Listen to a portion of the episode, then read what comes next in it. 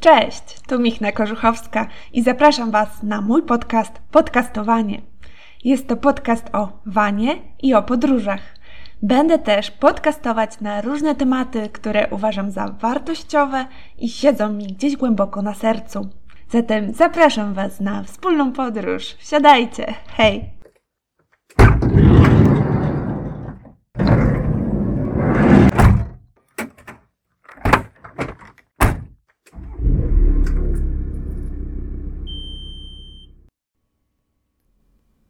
Rywalizacja największych potęg świata, wyścig zbrojeń, zimna wojna. Na Grenlandii Amerykanie opracowali tajny plan o nazwie Projekt Iceworm. Dotyczył budowy sieci tuneli, w których miały się znajdować wyrzutnie rakiet, ukryte pod lodem. Miały obejmować swoim zasięgiem Związek Radziecki. Na wschodzie Sowieci zbudowali jedne z największych podziemnych kompleksów. W latach 50. wydrążono na krymskim wybrzeżu, w górze Tawros, serię tuneli wodnych zwanych jako obiekt 825. Była to baza okrętów podwodnych z atomem Balaklawa. W październiku 1957 roku rozpoczyna się era kosmiczna. Radziecka rakieta wyniosła na orbitę sztucznego satelitę Sputnik 1. Kilka miesięcy później Tito odwiedza obiekt 505, położony w Jugosławii. Nalega na przyspieszenie prac, prac dotyczących budowy trzyczłonowej rakiety. Rakiety, która wkrótce miała dotrzeć do stratosfery. Sowieci wysłali psa w kosmos, a Jugosławianie świnię, która podobno po wylądowaniu została zjedzona, bo ten lot przeżyła. I właśnie o tajemniczym obiekcie 505 będę dziś Wam opowiadać. Tym razem wybierzecie się ze mną do Chorwacji, a dokładnie, dokładnie do opuszczonej jugosławiańskiej bazy lotniczej Żelijawa, znanej wcześniej wtajemniczonym jako obiekt 505. Zabawimy się w Urbex. Dlaczego zabawimy? Dlatego, że mam minimalne doświadczenie w Urbexie – dla niewtajemniczonych urbex to eksplorowanie opuszczonych budynków fabryk, form stworzonych przez człowieka, które czasy swojej świetności mają za sobą. Często to jest oczywiście niebezpieczne, no i na własne ryzyko.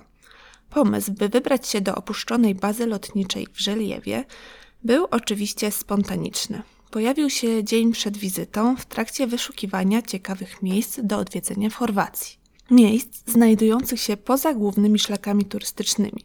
Choć przyznam szczerze, pod koniec grudnia nawet Park Narodowy Krka wydaje się być poza szlakiem. Zabiorę Was do ukrytej w masywie góry Piesiewica bazy lotniczej. Będziecie razem ze mną błądzić po tunelach i korytarzach jednej z największych podziemnych baz lotniczych w Europie w czasach swojej świetności. Usłyszycie krople wody lejącej się z zakamarków podziemnych korytarzy – Razem ze mną potkniecie się o pozostałości metalowych konstrukcji. Wejdziecie na silnik, będziecie liczyć kroki, przemierzając jeden z tuneli. Natkniecie się na ogromny, zmiażdżony przez wybuch zbiornik paliwa. W ciemnych czeluściach tunelu spróbujecie odnaleźć w niezidentyfikowanych kształtach pozostałości Forda Transit ale zanim usłyszycie echo odbijające się od ścian bazy, e, przerywane popiskiwaniem szczurów ukrytych pod wysadzonymi w powietrze zbrojnymi, przesuwanymi wrotami, przedstawię Wam trochę konkretów. Takich na start. Po pierwsze, położenie. Jugosłowiańska baza lotnicza znajduje się na granicy Chorwacji z Bośnią i Hercegowiną, we wsi Żeliewa, niedaleko Parku Narodowego Jezior Plitwickich. Kompleks Zieliawa został zbudowany na górze Piesawica. Jej nazwa dosłownie oznacza Łysa Góra. Znaczna część bazy znajduje się obecnie po stronie chorwackiej. Wstęp. Wstęp jest wolny, przynajmniej był wolny jak przyjechaliśmy pod koniec grudnia 2021 roku. My pojechaliśmy tam bez większego rozeznania, byliśmy na miejscu koło 17. Było już ciemno. E, w trakcie rozpoznania, czyli zrobienia rundki T4 po okolicy, mijając porzucone budynki części naziemnej bazy, napotkaliśmy policjanta. Stał tuż przy wraku amerykańskiego samolotu transportowego Douglas C-47. Było miło i sympatycznie. E, spytał nas o cel przybycia, czy jesteśmy turystami, zajrzał do środka te czwórki i życzył miłego pobytu. Na eksplorację przeznaczyliśmy następny dzień. Na terenie bazy, na rozwidleniu pięciu pasów startowych, znajduje się pawilon pełniący funkcję posterunku policji. Ogólnie nikogo nie pytaliśmy o zgodę. Jeździliśmy po pasach startowych, wjechaliśmy nawet do jednego z tuneli. Miła pani policjantka, patrolująca teren obok posterunku policji, miło się do nas uśmiechnęła, wykonując głową powitalny gest. Tyle jeżeli chodzi o kontrolę. Nocleg. Pierwotnie planowaliśmy nocować gdzieś tam na pasie startowym, ale z racji wieczornej obecności patrolu policji postanowiliśmy znaleźć miejscówkę do spania e, znajdującej się w okolicy wiosce Prieboy. E, do wyboru macie tutaj dwa miejsca. Pierwsze, teren położony przy bocznej szutrowej drodze wśród ruin wsi Prieboy. Nieopodal znajduje się nawet miejsce poboru wody. E, drugie miejsce, położone tak około 300 metrów obok, e, takie bardziej klimatyczne, koło ruin kościoła i starego cmentarza. Minus jest po prostu położone bliżej drogi i oczywiście do obu tych miejsc podam Wam lokalizację. Atrakcje. Po pierwsze, opuszczone podziemne tunele ukryte we wspomnianej górze Piesawica. Dane podają, że było ich 3,5 km. E, do części podziemnej prowadzą cztery wejścia. Jedno z nich znajduje się po stronie Bośni i Hercegowiny. No i tutaj nie polecam e, wybierać się do czwartego wejścia, bo jest to nielegalne przekroczenie granicy. W części naziemnej znajdują się pasy startowe. Po dwóch e, z nich można spokojnie jeździć i osiągać całkiem spore prędkości. My oczywiście tę czwórką nie, nie mogliśmy sobie odmówić e, tej przyjemności.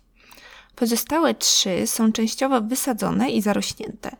Kolejną atrakcją jest wrak amerykańskiego samolotu Douglas C-47. I tutaj taka y, informacja. Ze względu na nieokreślenie statusu Jugosławii w trakcie y, wojny bałkańskiej, wojsko jugosławiańskie mogło wykorzystywać zarówno samoloty amerykańskie i radzieckie. I podobno jeszcze w 2012 roku y, w okolicy pozostały porzucone także dwa amerykańskie samoloty F-84 Thunderjet. Do samolotu, który pozostał, można bez problemu wejść. E, znam też takich, co wchodzili na dach. Cały samolot pokryty jest graffiti. Wnętrze samolotu zostało nieco splądrowane, ale uważam, że i tak jest co oglądać.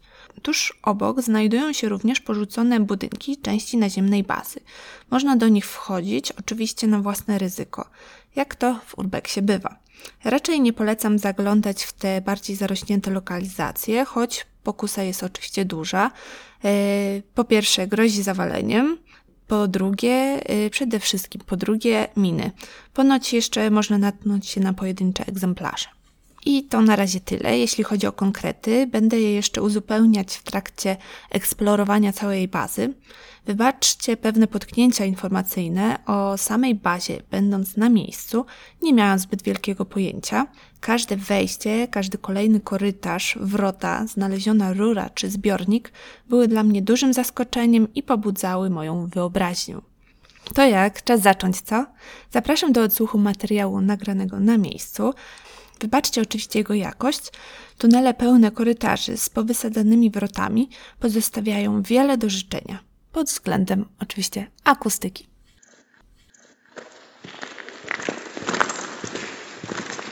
W środku mamy wielką przestrzeń, coś jakby takie podziemne, wielkie magazyny.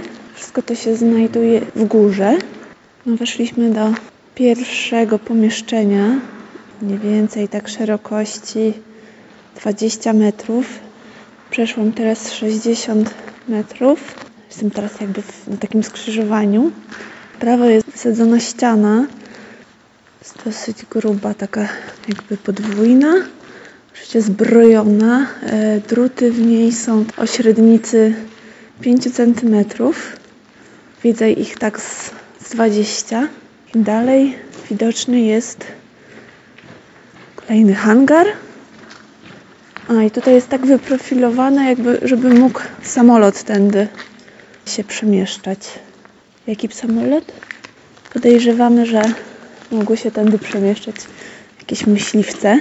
Gdzieś tam w oddali słychać dźwięk wody. No i tu też takie mamy pomieszczenie, tak mniej więcej o szerokości 20 metrów. że ja je zmierzę w ogóle. Profesjonalną miarką w postaci moich nóg. Raz, dwa, trzy, cztery, pięć, sześć, siedem, osiem, dziewięć, dziesięć, jedenaście, dwanaście, trzynaście, czternaście, piętnaście. No, 5 metrów się pomyliłam, więc taka szeroko, szerokość 15 metrów. A teraz od ściany wysadzonej idę wprost i liczę. Nie będę Wam liczyć na, na głos, słuchajcie się. Raz, dwa, trzy, cztery, pięć, sześć. Podziemny kompleks bazy lotniczej Żeliawa, znany jako obiekt Klek, obejmował sieć 3,5 km tuneli wewnątrz góry, która mogła pomieścić nawet 60 samolotów. Główne galerie, ułożone w kształcie litery M, mierzyły aż 16 metrów szerokości i do 12 metrów wysokości. Góra mieściła dwie eskadry myśliwców i jedną eskadrę rozpoznawczą, wszystkie oryginalnie wyposażone w radzieckie MiG-21. Plany tuneli e, znajdujących się w górze udostępnię Wam na YouTube oraz zamieszczę na Instagramie i na Facebooku na moich kontach. Doszłam do 50 kroków. I znowu mamy tutaj skrzyżowanie. Po prawej jakiś chyba drobny magazyn. Po lewej też się ciągnie taki ogromny korytarz o szerokości 15 metrów. Długości nie wiem. Żebyście to widzieli. Właśnie jestem na tym skrzyżowaniu i w oddali właśnie widzę e, mojego męża. Widzę tylko dwa punkty świetne. Latarka. Nie wiem, czy słyszycie też to echo. Echo!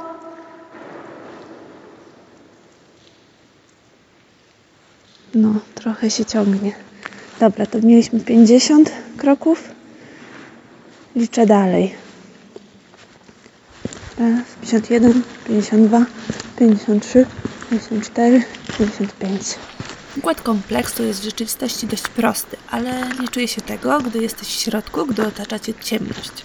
Główne korytarze są długie i proste, niektóre zawijają, ale zdają się spotykać i łączyć pod nieregularnymi kątami.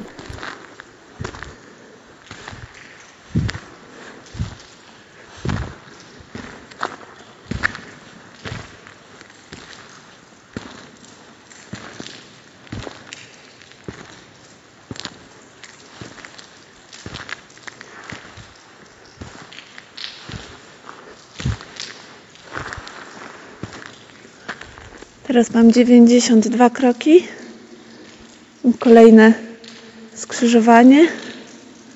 W prawo ciągnie się kolejny korytarz. Znowu szerokość tak 15 metrów. Widać, że tam jakaś woda cieknie. Nie mówiłam Wam o wysokości.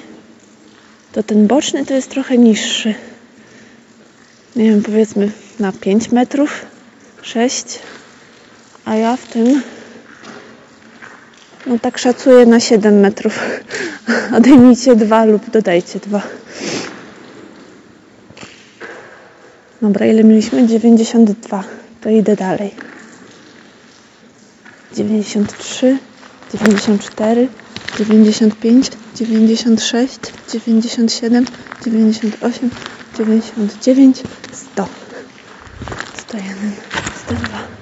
Kompleks Klek miał cztery wejścia, z których trzy były wystarczająco duże, aby przepuścić samolot, a także e, były chronione przez 100-tonowe pancerne drzwi. Te otwierały się na pięć pasów startowych do startu i lądowania. Wymiary i waga drzwi były naprawdę imponujące. Trzy z nich miały grubość 60 cm, szerokość 20 metrów, a wysokość 4 metrów i były zasilane energią elektryczną. Natomiast drzwi czwarte otwierały się hydraulicznie i były też grubsze, bo miały 80 cm, szerokie na 20 metrów i wysokie na 9 metrów. Na 128 kroku jest jakaś mała. Sorry, bo wydawało mi się, że słyszałam jakieś kroki. Ale to chyba ta woda. No, to jest tutaj jakieś takie małe pomieszczenie. Jest jakby taka studzienka, taki kanał. No nie, coś białego wygląda jak śnieg, ale nie jest zimny. Może jakaś sól się wytrąciła. Tylko jest taka delikatna bardzo. Leje się tam woda i widzę jakiś kolejny korytarz. Dobra, idziemy dalej. Dobra, czekajcie, bo muszę się cofnąć. Było 128, 129, 30, 31, 32, 33, 64, 35, 36, 37, 38, 39, 40. A teraz dla moich znajomych z starej pracy. Specjalnie dla nich.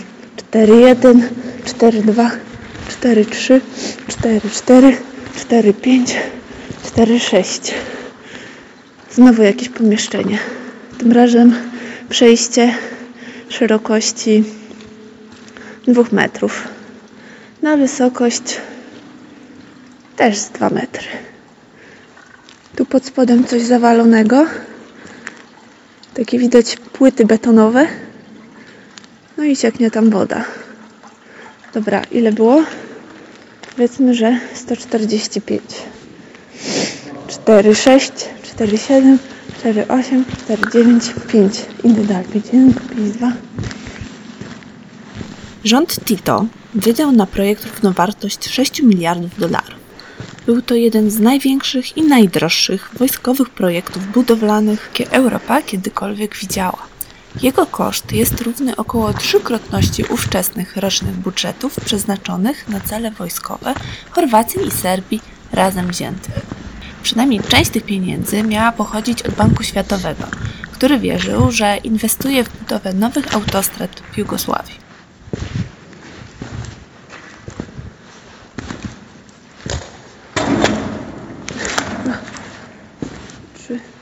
Teraz właśnie się potknęłam jakieś metalowe profile. Chociaż wyglądają jak takie długie podłużnice, ale to takie małe zboczenie. Można pomyśleć, że to jakieś kable, ale nie. No i liczyłam, ile było. Ogólnie widzimy tutaj koniec, widzę koniec tego y, hangaru. Jest tutaj coś, no ogólnie śmietnik, ale taki śmietnik, że nie to, że butelki plastikowe i, i butel, butelki, puszki po piwie, że ktoś tu sobie imprezy robił, nie. Po prostu masę właśnie tych podłużnic. Dobra, doliczę do końca. Było powiedzmy 170. 3, 4, 7, 5, 7, 6, 7, 7. O. Kurde, coś się poruszyło. Jakiś kanister.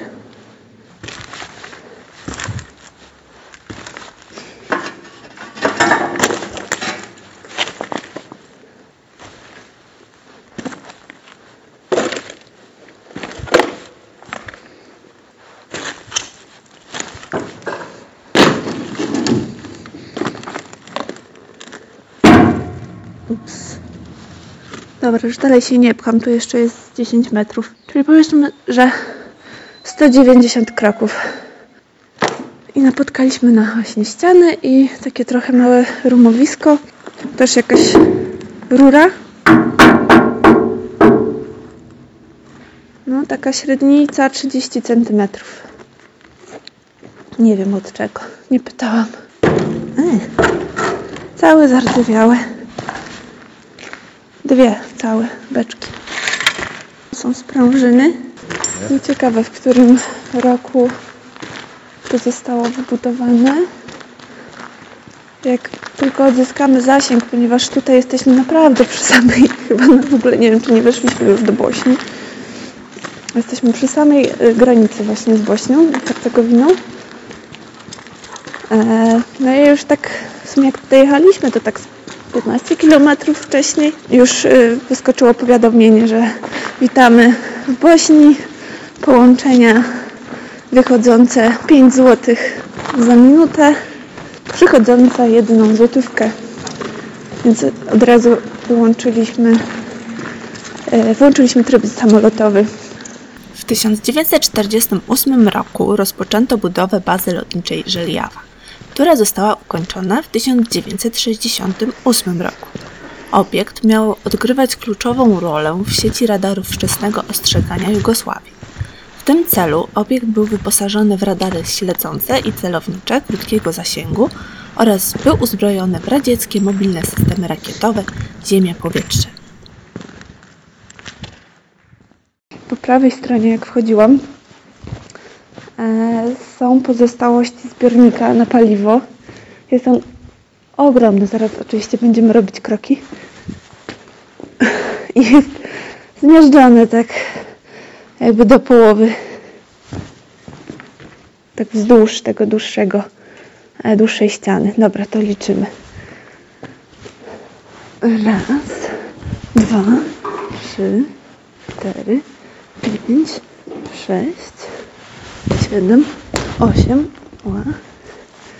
dziewięć, dziesięć, jedenaście, dwanaście, trzynaście, czternaście, piętnaście. No jest długości 15 metrów.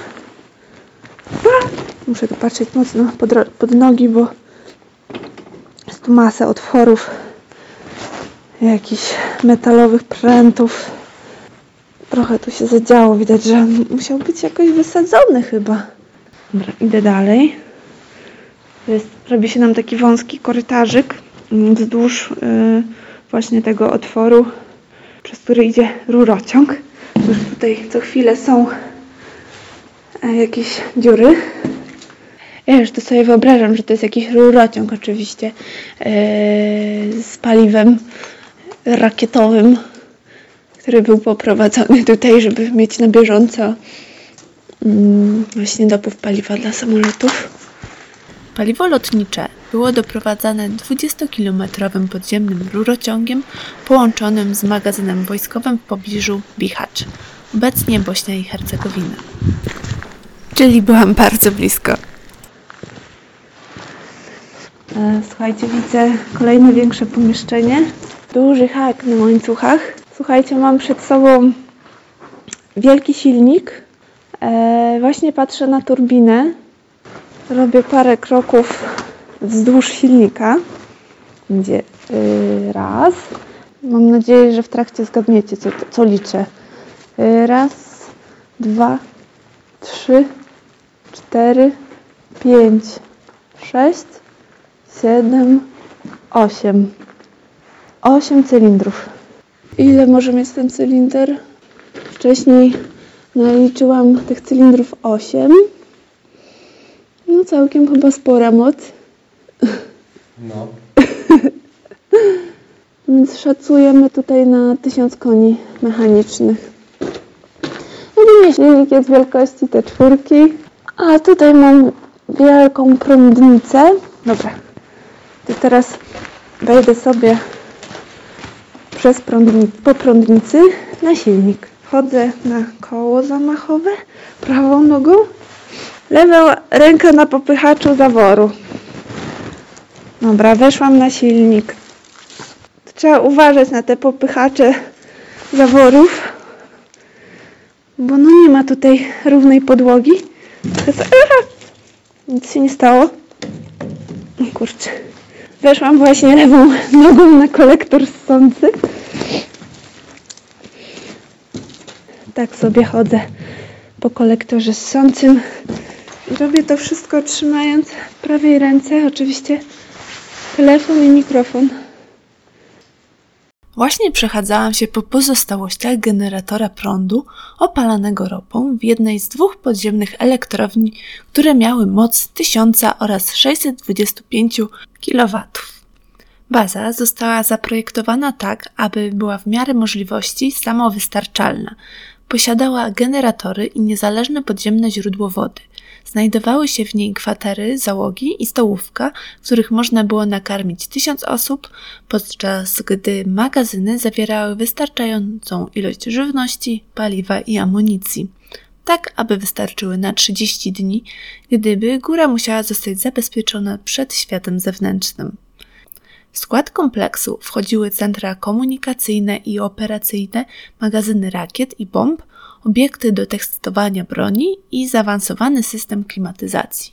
Baza lotnicza została skutecznie zniszczona podczas wojny o niepodległość Chorwacji w 1991-1995 roku. Slobodan Milošević, serbski przywódca Jugosławii w Belgradzie, zmobilizował JNA, Jugosławiańską Armię Ludową, przeciwko Chorwacji, próbując utrzymać swoją władzę.